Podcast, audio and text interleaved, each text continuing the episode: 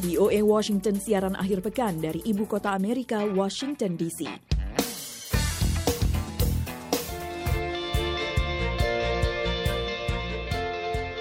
Halo pendengar, apa kabar? VOA kembali lagi dalam VOA Weekend di bulan Agustus ini bareng saya Vina Muhtadi dari negara bagian Maryland. Iya betul dan juga Aryono Arifin yang juga berada di negara bagian Maryland nggak jauh tapi kita tetap uh, ini ya di rumah masing-masing. Iya, karena kita masih harus jaga jarak, masih menghindari keramaian ya kan supaya badai Covid ini segera berlalu biar kita bisa uh, tumpengan lagi di kantor ya. Kayaknya emang harus tumpengan nih kalau emang nanti kita jadi ke kantor ya nggak sih? Betul, pasti udah itu udah pasti tuh tumpengan bubur merah putih udah deh mm -hmm. kita harus selamatan semua kayaknya kalau misalnya udah selesai itu. Iya iya iya. Eh bicara soal masuk kantor, uh, pasca COVID atau bahkan di tengah COVID tentunya harus melakukan penyesuaian, kenormalan hmm. baru. Kira-kira hmm. what's in your mind gitu, Mas Ari kalau misalnya kerja di kantor kira-kira uh, apa ya hal-hal seperti apa yang akan berubah gitu?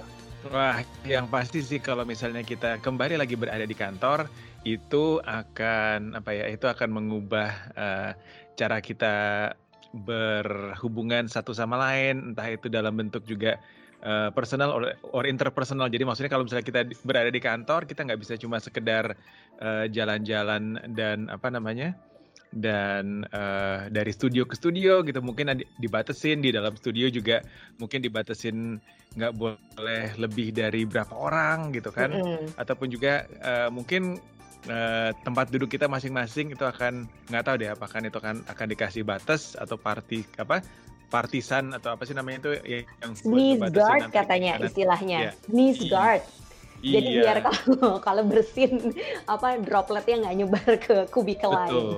Kan kita duduk di dalam cubicle gitu. Kita duduk di dalam cubicle terus nanti mm -hmm. nah entah itu cubicle bakalan ditinggiin buat nutupin atau mungkin justru akan dibikin bilik-bilik kecil seperti apa sih namanya? Seperti dibatasi oleh kaca jadi kita masuk kayak akuarium tuh nggak tahu deh. Tapi ya mudah-mudahan langkah-langkah seperti itu ini ya uh, akan ditempuh oleh kantor-kantor di mana pun juga.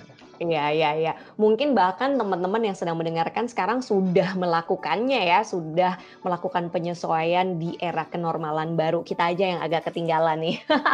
hmm, bisa jadi. Oke, nah sambil berandai-andai suasana kantor seperti apa yang ideal di tengah kenormalan baru, kita simak dulu informasi berikut ini. Ini menarik banget nih ya karena untuk pertama kalinya lebih banyak perempuan yang menjadi pendeta di gereja Swedia dibandingkan laki-laki. Nah, ini merupakan isyarat bahwa kesetaraan gender membuat langkah besar sejak perempuan pertama kali ditahbiskan sebagai pendeta di Swedia tahun 1960. Berikut laporan dari Eva Masrieva.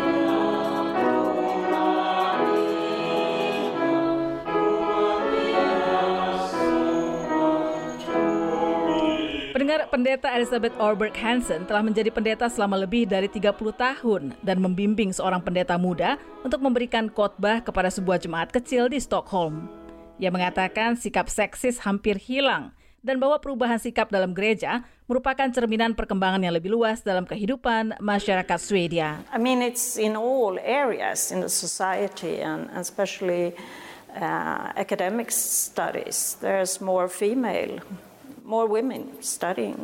Maksud saya, di dalam semua bidang kehidupan masyarakat dan khususnya studi akademis, lebih banyak perempuan, lebih banyak perempuan yang belajar. Jadi saya kira apa yang terjadi di dalam gereja saat ini lebih merupakan cerminan atas apa yang ada di dalam masyarakat. Saya bangga menjadi bagian dari gereja di mana ada pendeta perempuan dan sebagainya. I'm proud of belonging to a church mm, that uh, has female clergy and dalam Indeks Kualitas Gender Eropa tahun 2019, Eropa berada pada ranking atau peringkat pertama.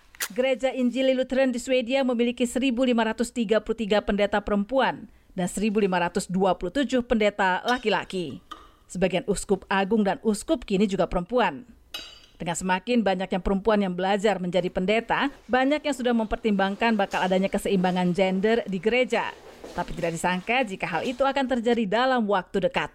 Pendeta Christina Greenholm, Kepala Teologi Gereja Swedia, mengingat kembali diskriminasi yang dialami pendeta perempuan sebelumnya. I remember coming to a church where I did not normally serve to have a wedding. Saya ingat pernah datang ke sebuah gereja di mana saya biasanya tidak dapat memberikan pelayanan untuk pernikahan dan semua lemari dikunci. Saya tidak bisa masuk untuk mengenakan pakaian liturgi atau apa pun. Setelah menghadapi saat-saat seperti itu, sulit membayangkan bahwa separuh dari keseluruhan pendeta sekarang adalah perempuan. Dengan semakin banyak perempuan yang mendaftar untuk belajar kajian teologi, keseimbangan yang ada justru bisa terbalik ujarnya. But I do think it is something that we should take as a warning always when we see that there is. Ketika melihat ada ketidakseimbangan, saya tidak melihat hal ini sebagai sesuatu yang seharusnya kita anggap sebagai peringatan, tetapi tentu saja ketidakseimbangan dalam hal jumlah orang yang datang ke gereja lebih mencolok. Kita tidak melihat adanya jumlah perempuan dan laki-laki yang sama datang ke gereja. Bahkan sejak lama kita tahu bahwa perempuan cenderung lebih sering datang ke gereja.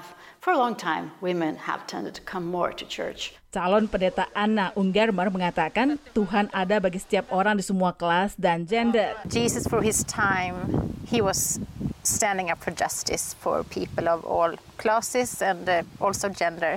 Yesus membela keadilan bagi semua orang di semua kelas dan gender. Jadi saya kira ini saatnya bagi perempuan untuk lebih berperan. Tentu saja keterwakilan perempuan baik, tetapi juga keterwakilan etnis dan kelas. Karena kadang-kadang kita bicara tentang gereja kelompok menengah dan bahwa orang kelas menengah menjadi pendeta atau datang ke kebaktian pada hari Minggu. Ini juga harus dibenahi. Gereja milik setiap orang. And that's also something that we need to work on. That um, um, the church is for everyone. Yeah. Bagi para pendeta perempuan Swedia, kesetaraan gender hanyalah cerminan masyarakat, bukan pernyataan feminisme. Saya Masreva, VOA, Washington.